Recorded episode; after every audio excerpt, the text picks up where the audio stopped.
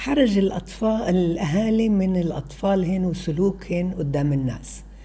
هذا موضوع كتير بتكرر وكتير بنسأل. أنا بدي أطمنكم للأمهات والآباء وأقول لكم أنتوا المدرسة يعني ليش بتنحرجوا؟ الأطفال تسلك بحسب الظروف اللي هي موجودة منها معها وهي عندها مراحل ومميزات مراحل تطور. إحنا لازم يكون نموذج للناس لأنه إحنا جيل جديد. ما تنقهروا ولا تخافوا ولا تنحرجوا ولا تقلقوا. يعني هون مثلا في أم بتقول ابني بيعرف يحكي سنة ونص بس لما بنكون قدام الناس بصير يصرخ بصوت عالي وبتعاملش باللغة. وأنا بنحرج خصوصا خصوصا لما بيكون في ناس. الأطفال بالسنة ونص أكتر إشي يعني مريح لإلك تتعاملي معه لأنه بيستخدمش اللغة. طبعا بيستخدمش اللغة واستخدم الصراخ لأنك استجبتي.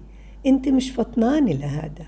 يعني لما شفتيه خصوصا خصوصا لما أحرجك قدام الناس صرت ترقدي تلبي له إيش عم بطلب لأنه عماله بيصرخ وبدك يسكت عشان أنت ما تتبهدليش. لا بدنا نتعامل مع هذا الأسلوب اللي هو لجأ له حتى إنه يضغط عليكي هذا أسلوب صار عادي عنده. فكيف بدنا نغير هاي العادة؟ كيف بدنا نستبدلها؟ كش كش تستخدمي شخصية وهمية وبدراما مع المحسوسات.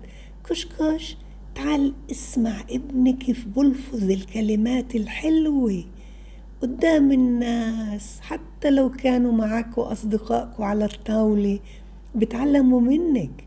ليه تنحرجي. انت بدك تستخدمي الأسلوب المناسب للمرحلة العمرية المناسبة. وهاي مرحلة بدها دراما. حتى لو بقدر أقوم هو عم بيصرخ حتى ما أستجيب له وبنفس الوقت بدي أدربه. بقدر أقوم وأنا عم بقوم. بخليهوش يحس إن أنا انتفضت أو استفزيت منه أو إنه أنا انفعلت. لا أنا بقوم برواقة وبحكي وبوصف. مثلا شجرة يا شجرة. أنا سامعتك عمالك بتتحركي صوت أغصانك حلوة.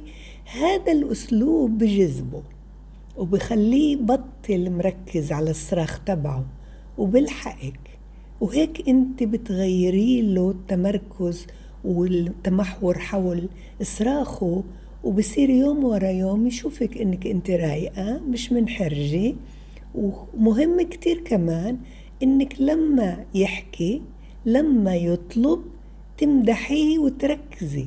يعني بتركزي على سلوكه المستحب وبتتجاهلي سلوكه المستحب. وإذا بيكونوا معك صحباتك جراتك قرايبك بتعلموا منك كيف تعاملتي.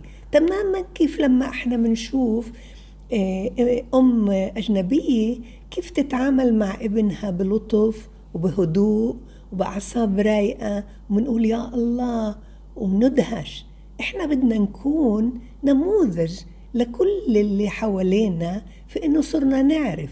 ويوم ورا يوم أنت اولا بتدربي المحيط الاجتماعي اللي حواليك بأسلوبك الرايق وبتكوني نموذج لابنك إنه يستبدل عادة الصراخ بعادة الحكي. وما تنسي مهم كتير القصص. ولما تخلصي القصة تتفوقي بابنك على البطل وتقولي له أنت ليش بتبكي؟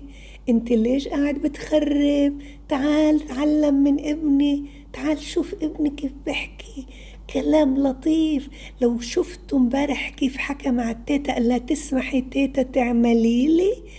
أنتي آه، حضريه هيئيه ساعديه على استخدام مفردات رأي فيها قيم وبنفس الوقت امدحيه وما تتوتري وما تنزعجي لأنك أنت نموذج وخلينا دايما نحب ومطمنين.